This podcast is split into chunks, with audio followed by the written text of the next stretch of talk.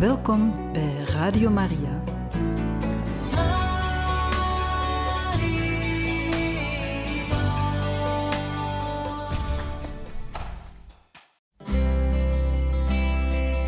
Welkom bij Boekat, een programma van Radio Maria.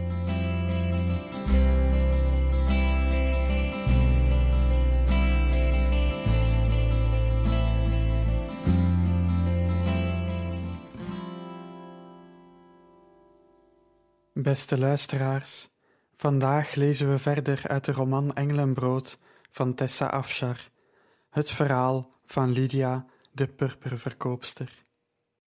Hoofdstuk 25 Er is vreugde bij allen die schuilen bij u, eeuwige jubel, omdat u hen beschermt. Psalm 5, vers 12 Lydia wist nagenoeg niets over de Egeïsche Zee en ze was bezorgd dat ze in stormachtig weer terecht konden komen, omdat het herfst was. Tot haar opluchting verzekerden twee verschillende scheepskapiteins haar dat het, anders dan op de Middellandse Zee, in de zomermaanden het hardst kon spoken op de Egeïsche Zee en dat de ergste stormen al voorbij waren. Ze boekten passage op een pauwblauw graanschip, gemaakt van oud eikenhout. Ze voegden zichzelf bij een stuk of twintig andere passagiers en talloze zakken tarwe aan boord. De kapitein van het schip, een Griek met uitgezakte glooide wangen en waakzame ogen, begroette hen toen ze aan boord kwamen. Reist u alleen? vroeg hij. Lydia knikte gespannen. Zijn blik ging van Lydia naar Rebecca. Ik heb twee dochters van jullie leeftijd. Ga daar zitten en zorg dat je geen problemen krijgt. Hij wees naar een donkere hoek van het schip, bijna verborgen door grote zakken graan. De meisjes haasten zich te gehoorzamen. Nog geen uur later, nog voordat het schip in beweging was gekomen, werden ze gevonden door een van de zeelui. Het was een grote man, met een brede blote borst die glinsterde van het zweet.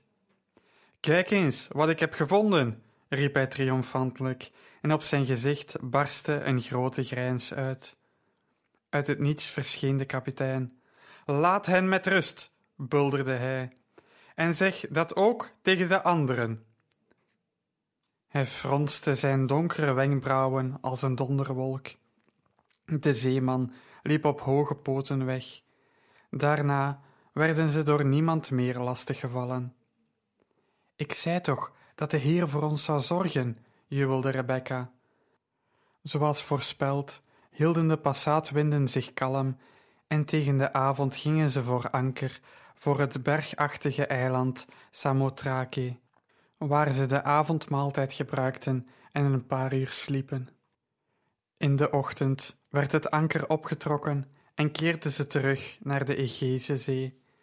De wind voerde een zilte smaak en geur van vis en kelp aan. Lydia's huid werd vochtig van het opspattende water en glansde goud in het herfstzonlicht. Vroeg in de middag kwamen ze aan in Neapolis. Eindelijk zetten ze voet op Macedonische grond. Nu de dreiging van verdrinking en hinder van zeelieden voorbij was, moest Lydia het feit dat ze in een vreemde stad was aangekomen met amper geld in haar zakken nog onder ogen zien. Samen met enkele andere passagiers van hun schip liepen zij en Rebecca langs de waterreservoirs van Neapolis en gingen op weg naar Filippi. Ze reisden over de brede verharde weg die de Via Egnatia heette en die hen rechtstreeks naar hun bestemming bracht. De weg naar Filippi was helemaal heuvelopwaarts en Lydia begon na een uur te hijgen. Voor de avond konden ze de muren van de stad zien glanzen als goud in het wegstervende licht. Een grote poort stond in het midden, hij hing wijd open. Filippi was groter dan Thyatira en veel mondijner. Lydia en Rebecca verwonderden zich erover. Ze vonden een betaalbare herberg waar ze konden logeren, dankzij de aanbeveling van hun scheepskapitein. Ze waren een paar dagen bezig zich vertrouwd te maken met Filippi. Ze wandelden door de open markt, die de Filippenzen de Agora noemden, in de stijl van Rome, keken vol verbazing naar de schitterende gebouwen van het Forum en vroegen plaatselijke handelaren naar het leven in de welvarende stad. Het was een bevoorrechte wereld, vrijgesteld van Romeinse belasting, omdat de stadsbewoners het Romeinse staatsburgerschap hadden gekregen, evenals Romeinse rechten. Ze hielden het Latijn aan als een officiële taal, hoewel de meesten genoeg Grieks praten om bezoekers tegemoet te komen. Latijn, kermde Lydia. Ze beheerste de taal redelijk, maar niet zoals Rebecca met haar zuivere schoolse kennis. Grieks was de taal waarbij ze zich thuis voelde, de taal die ze vanaf haar geboorte had geleerd.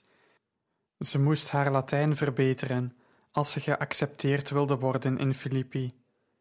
De stad werd geregeerd door twee mannen, beiden afkomstig uit de gewijde gerechtshoven van Rome zelf.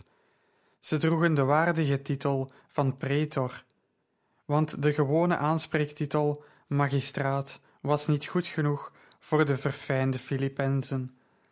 Als je niet in Rome kon resideren, kon je net zo goed in Filippi gaan wonen. Al bijna honderd jaar had de stad zijn militaire erfgoed behouden, strategisch gelegen aan de grote hoofdweg. Maar de stad had ook andere kwaliteiten. Het geld zou hier zijn eigen tempel moeten hebben, zei Rebecca. De mensen aanbidden het kennelijk met grote toewijding. Lydia beaamde dat. Kooplieden verkochten alle denkbare producten, evenals wat buiten het rijk van het gewone menselijke vernuft lag: goud, parels, zijde, verse vruchten, specerijen uit de verste uithoeken van de wereld, slaven. Er was weinig wat in Filippi niet te verkrijgen was, als je maar de juiste middelen had. En de mensen hielden van purper, stelde Lydia tevreden vast.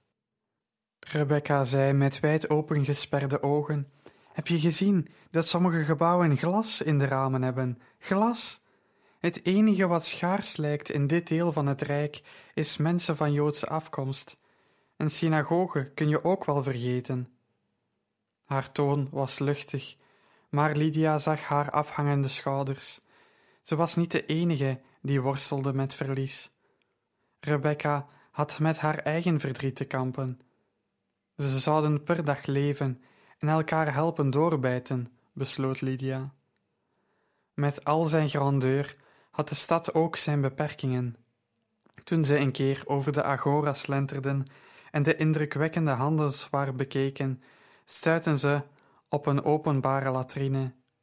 Hij was groot en goed onderhouden, maar toen de meisjes over de drempel wilden stappen, versperde een vrouw hen met uitgestrekte armen de weg. Alleen voor mannen, zei ze spotlachend. Toen ze een eindje doorgelopen waren, fluisterde Rebecca: En wat moeten vrouwen dan doen? Het ophouden tot ze thuis zijn. De meisjes keken elkaar aan en versnelden hun pas. Op de ochtend van de vierde dag in de stad gingen de jonge vrouwen naar de reusachtige openbare baden in de stad.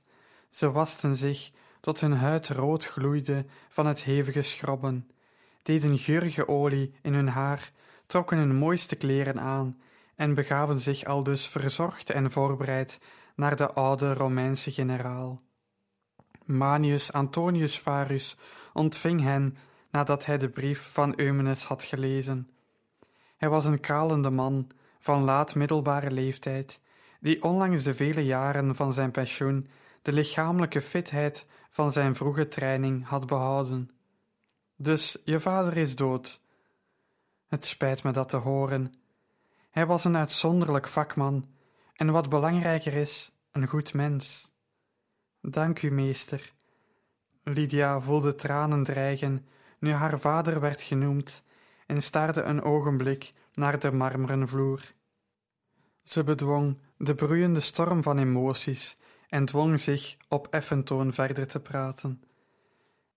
In zijn laatste uren dacht hij aan u en vroeg me u dit geschenk te overhandigen.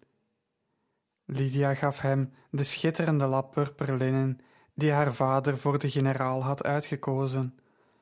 Ah, als een gedicht. Varis vouwde de stof open en streelde hem met waarderende vingers. Je vader schrijft in zijn brief dat je in alle opzichten zijn gelijke bent, wat de scheppen van purper betreft. Hij heeft me alles geleerd wat ik weten moet. En toch ben je nog maar een meisje, niet eens getrouwd. Varus gooide zijn handen omhoog. Je voogd zit helemaal in Thyatira. Breng me wat je hebt, en omwille van Eumenes zal ik vrijgevige kopers voor je zoeken. Maar het zou onverstandig zijn om je in een werkplaats te zetten. Ik kan het niet doen. Lydia knipperde met haar ogen. Het duurde een ogenblik voordat ze begreep dat ze weggestuurd werd. Maar generaal Varus. De generaal stak een vinger op om haar tot zwijgen te brengen. Het is onmogelijk, het zal toch mislukken. Wie heeft er ooit gehoord van een ongetrouwd meisje in de handel, in haar eentje? Hij opende een geldzak en haalde er een paar denari uit. Als waardering voor je geschenk, en er komt meer als je me zulk purper kunt brengen. Maar niets voor een werkplaats. Zet dat idee maar uit je hoofd, beste meid. Het is overmoedig. Ik neem je vader kwalijk dat hij je aangespoord heeft tot dit roekeloze avontuur. Niemand in Filippi zou je accepteren. Lydia klemde de munten in haar hand en probeerde het oproer in haar hart tot betaren te brengen. Nu ze haar spaargeld in reiskosten had gestoken, had ze gerekend op hulp van de generaal voor de werkplaats. Ze wist niet hoe het nu verder moest. Geen werkplaats betekende dat ze geen purper kon produceren. Wat moest ze hem verkopen als ze geen verf had? De jonge vrouwen liepen zwijgend Varus' reusachtige villa uit, beiden worstelend met hun eigen duistere gedachten. Ze hadden al meer dan vier kilometer gelopen toen ze staande werden gehouden door een rennende jongen die hen hijgend van inspanning had ingehaald. Mevrouw, mevrouw! De jonge vrouwen stonden verbaasd stil. Mevrouw Emilia vraagt u terug te keren naar de villa. Ze wenst u te spreken. Mevrouw Emilia? vroeg Lydia verbaasd. Voor zover zij wist, had de generaal geen echtgenote. De moeder van de generaal, ze woont bij hem. Lydia knikte en ze volgden de jonge man terug naar het huis. Waarschijnlijk had de oude dame het linnen gezien dat ze voor Varus had meegebracht en wilde ze zelf een lap. Jammer dat Lydia haar die niet kon verschaffen. Ze had het grootste deel van haar voorraad purper verkocht om de overtocht naar Filippi te betalen en had geen middelen meer om te maken. Als Varus de ouderdom al naderde, was zijn moeder Emilia de brug al lang daarvoor overgestoken en had ze een antiek rijk betreden dat weinigen te zien kregen. Ze had meer rimpels in haar gezicht dan haren op haar hoofd, maar ze keek Lydia aan met scherpe, vogelachtige ogen en een intelligentie in haar blik. Ze boog zich naar voren om de ronde witte vrucht van de gouden schaal die voor zich lag te pakken en gebaarde dat de vrouwen moesten gaan zitten. Toen ze in de vrucht beet, realiseerde Lydia zich met enige verbazing dat de oude vrouw in een geschilde ui beet alsof het een appel was. Emilia stak de ui omhoog, het stap droop van haar hand. Altijd gek op geweest, knoflook ook. Toen ik jonger was, verbood mijn man me ze te eten. Ik ging ervan stinken, zei hij. Nu ben ik oud en rijk en weduwe, en ik mag doen wat ik maar wil. Ik heb mijn eigen tanden nog, dat is een hele prestatie op mijn leeftijd, dus ik eet wat ik wil. Lydia knikte. Ze wist niet goed wat ze moest zeggen. De dame kromde een vinger en wenkte Lydia dichterbij. Met handen die dropen van het uiensap voelde ze aan Lydia's tunica. Is dit jouw werk? zei ze. Ja, mevrouw. Je eigen werk, niet van je vader. Mijn eigen werk. Ze knikte. Het is uitstekend. Ze keek door het raam naar de binnenplaats. Mijn spionnen vertelden me over jullie bezoek aan mijn zoon. Ik ben naar hem toegegaan toen jullie weg waren. Hij liet me de brief van je vader zien en het linnen dat je voor hem had meegebracht. Voortreffelijk werk, dat stuk. Lydia boog erkentelijk haar hoofd. Mijn zoon is een dwaas. Mevrouw? Hij is een goed mens, maar zijn visie is beperkt. Als hij naar je kijkt, ziet hij alleen een jonge vrouw, en dat is het dan. Weet je wat ik zie? Lydia schudde haar hoofd. Nee, mevrouw. Ik zie potentieel. Je wilt een werkplaats? Ja, dat is mijn meest gekoesterde droom. Ze zeggen dat de jonge Caligula heeft beloofd zijn lievelingspaard Inquitatus tot consul te benoemen als hij keizer wordt. Ik heb de Romeinse consuls ontmoet en geloof me als ik zeg dat het paard een verbetering zal zijn. Als een paard consul in Rome kan zijn, dan moet een jong meisje een eigen werkplaats kunnen bezitten in Filippi, vind ik. Lydia wilde hardop lachen, maar ze vermoedde dat dat als verraad zou worden aangemerkt. Wat zijn je voorwaarden? Ik heb niet veel tijd te verspillen, voor het geval je betekenis van deze rimpels is ontgaan. Ik zit niet te wachten op een lange termijnsinvestering, snap je? Lydia's mond bleef even open hangen. Waar bent u dan naar op zoek, mevrouw? De moeder van de generaal lachte. Het was een verrassend, jeugdig geluid. Ik ben op zoek naar een beetje afleiding, en ik vermoed dat je me dat zult verschaffen. Ik zal met plezier het ongelijk van mijn zoon bewijzen. Hij is te opgeblazen van zijn eigen belangrijkheid, zoals de meeste geslaagde mannen in deze stad. Of zelfs in dit hele rijk, voor zover ik heb gezien. Ik vind het ergerlijk. Het zal Varius goed doen om nu en dan eens zijn feilbaarheid te erkennen, zeker dan met betrekking tot vrouwen. Dus dit is onze overeenkomst. Je slaagt, begrepen? Mislukken is geen onderdeel van mijn plan. Lydia wilde slikken, maar haar keel was te droog om speeksel te produceren. Ik zal u niet teleurstellen. Let wel, ik wil binnen een jaar mijn geld terug.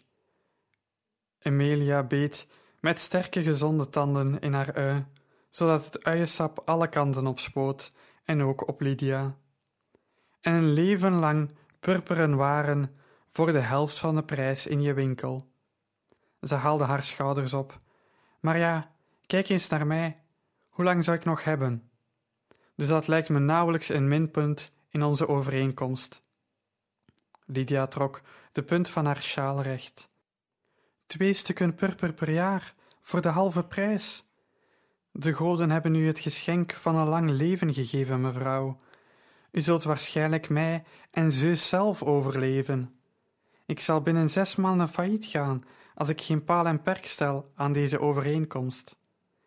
Emilia sloeg zich op de knieën van het lachen. Ik neem je voorwaarden aan, en je mag me patrones noemen.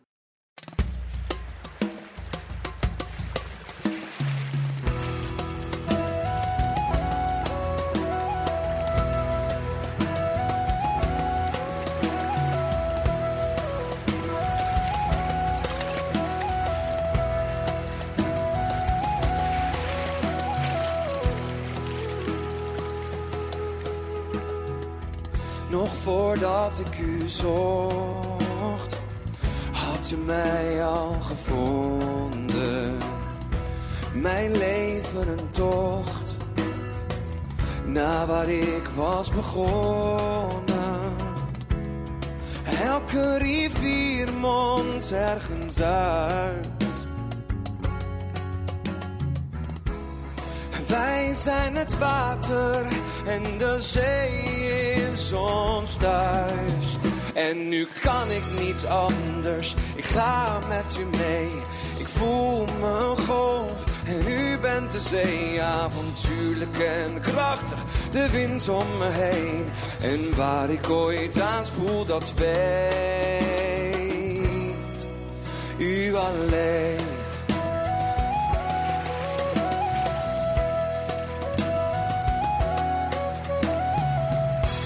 Zo waar ik de top en vond slechts mijn verleden. Maar u gaf me niet op en hebt toekomst gegeven. Elke rivier mondt ergens uit. Ja. Wij zijn het water en de zee is ons thuis. En nu kan ik niet anders, ik ga met u mee. Ik voel mijn golf en nu bent de zee avontuurlijk en krachtig. De wind om me heen en waar ik ooit aanspoel, dat weet. En nu kan ik niet anders, ik ga met u mee. Ik voel mijn golf en nu bent de zee avontuurlijk en krachtig. De wind om me heen en waar ik ooit aanspoel, dat weet. U alleen. Laat mij, leid mij, neem me.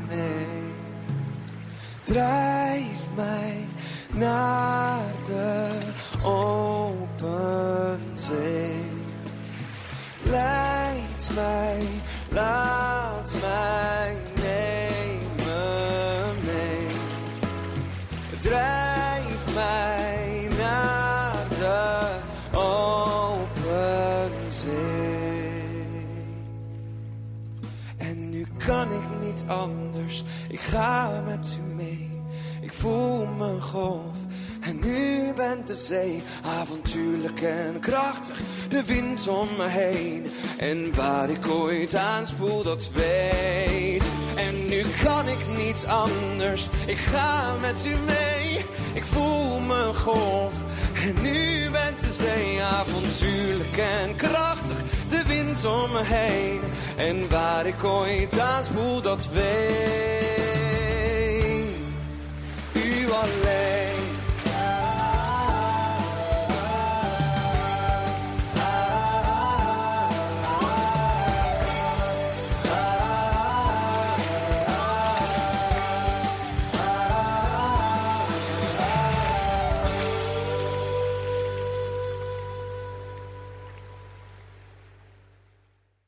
Hoofdstuk 26 Beter een karige schotel groenten en liefde dan een vetgemeste os en haat. Spreuken hoofdstuk 15, vers 17 De werkplaats was niet veel groter dan een groentekar. Geen keurige planken, geen gladde werkbanken, geen keurige mozaïeken die de kale contouren opfleurden. Maar hij was van Lydia. En de afgelopen zeven maanden had hij elke dag meer aandacht en nieuwe klanten getrokken. S'avonds vergrendelden Rebecca en zij de deur met de brede kier over het midden, rolden hun bedden uit en sliepen op de vloer. De eerste drie maanden na de start van hun onderneming aten ze water en brood, met wilde kruiden als ze die konden vinden, om het materiaal dat ze nodig hadden om Eumenes verf te maken te kunnen betalen. Daarna bracht de werkplaats genoeg op om een paar eieren, olijven, bonen en soms een vis te kunnen kopen. Ze verkochten alleen wol, geverfd in purper, voornamelijk in de vorm van garen, zodat de vrouwen thuis konden weven. Samen waren Rebecca en Lydia begonnen lappen stof te weven die bijna onder hun handen uitgetrokken werden. Andere handelswaar konden ze zich nog niet permitteren, maar met zorgvuldig beheer hoopte Lydia volgend jaar te kunnen uitbreiden naar linnen stoffen, als ze haar schuld aan Emilia had afbetaald.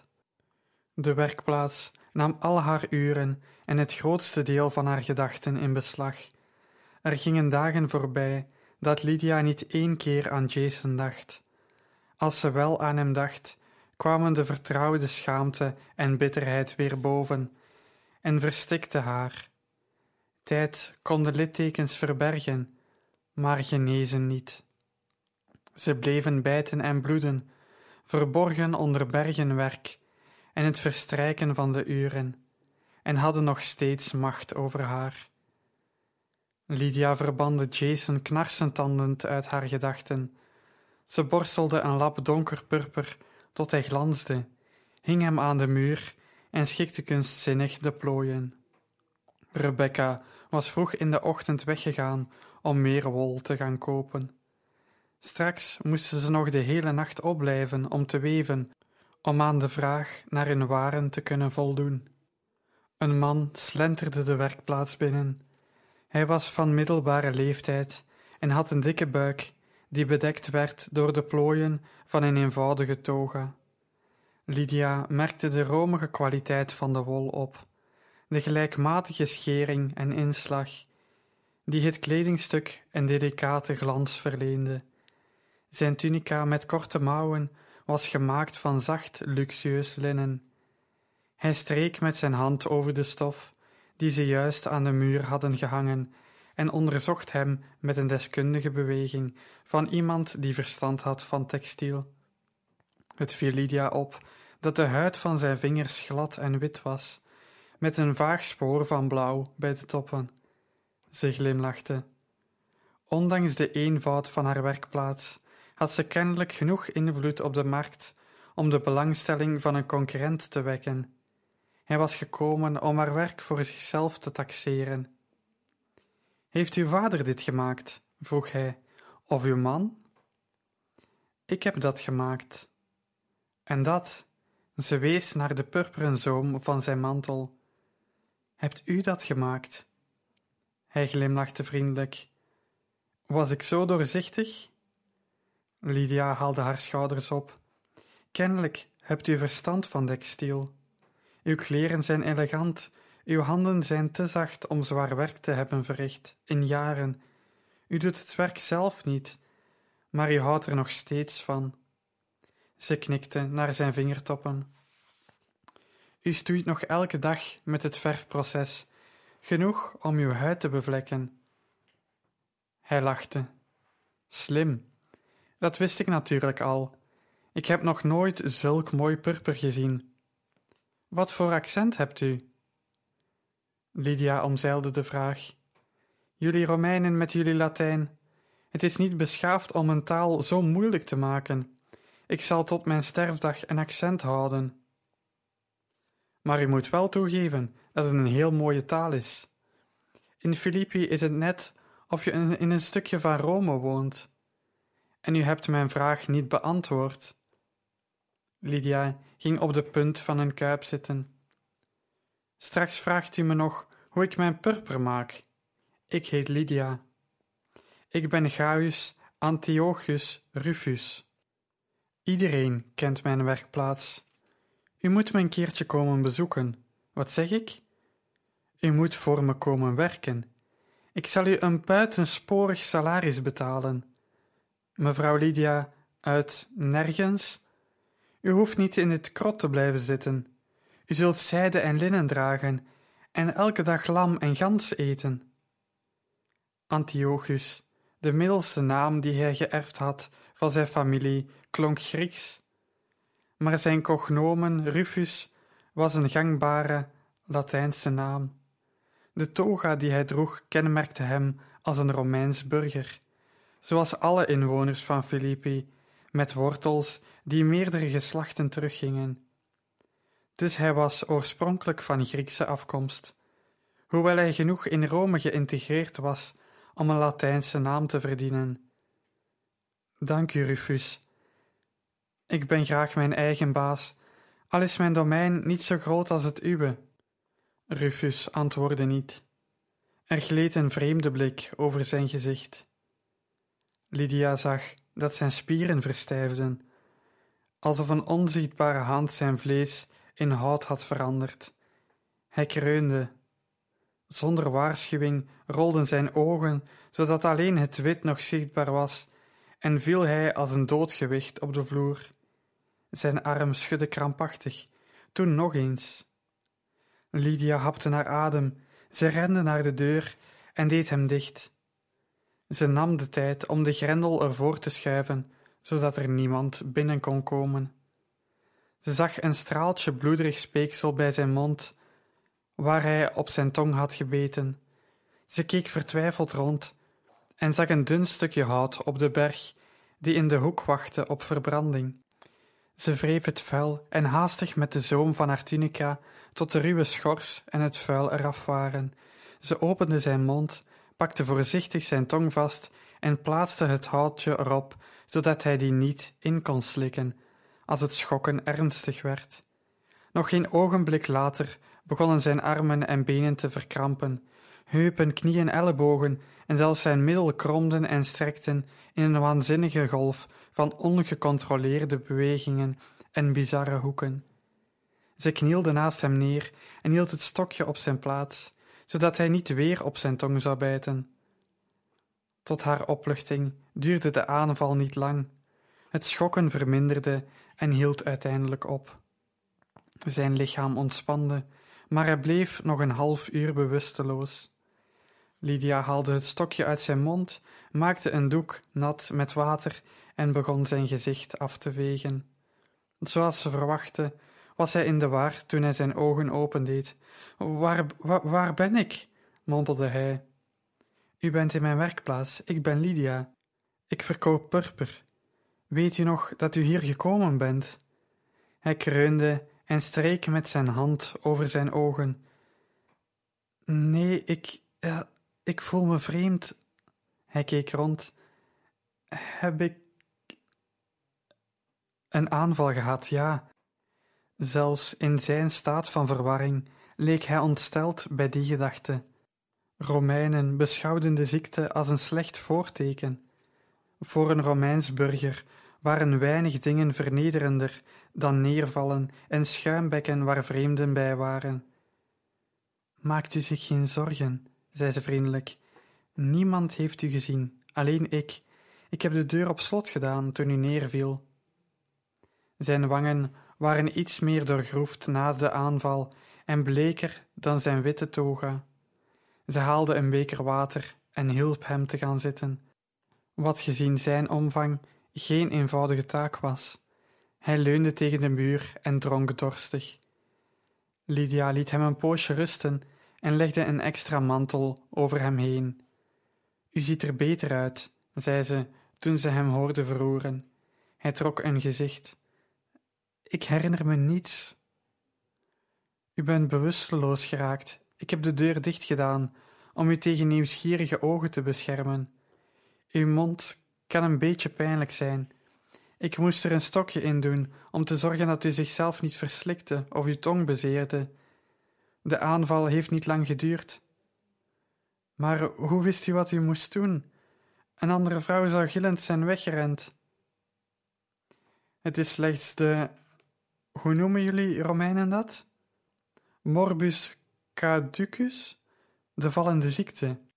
Hippocrates leerde ons dat het een lichamelijke storing is, die te wijten is aan natuurlijke oorzaken. Er komen geen demonen aan te pas, zoals sommige Romeinen beweren. Rufus nam nog een slok water. Voor zo'n jong iemand bent u goed op de hoogte. Bent u naast purperverver ook nog arts? Wel nee, mijn vader leed aan de ziekte. Ik heb hem meerdere keren verzocht. Hij trok een grimas. Het gebeurt me niet vaak. Soms vergeet ik dat ik het heb. Hij draaide zijn gezicht naar de muur. Het was heel netjes van u om de deur dicht te doen. Lydia deed zijn tunica goed, die verward om zijn benen zat. Wees gerust, Rufus. Wat hier gebeurd is, blijft tussen ons. Van mij zal niemand het horen. Een vonk van nieuw leven kwam op in zijn ogen. Ik heb een idee. Morgen stuur ik mijn knappe zoon hierheen. Hij zal u met zijn charme overhalen voor mij te komen werken. Hij pakt iedereen in. Een stroompje ijswater uit Lydia's hart klonk door in haar stem. U zult ontdekken dat ik immuun ben voor de charme van knappe zoons. En zo, beste luisteraars, zijn we aan het einde gekomen van deze aflevering. In een volgende uitzending lezen we verder uit het boek Engelenbrood Het verhaal van Lydia de purperverkoopster van Tessa Afshar. Tot een volgende keer.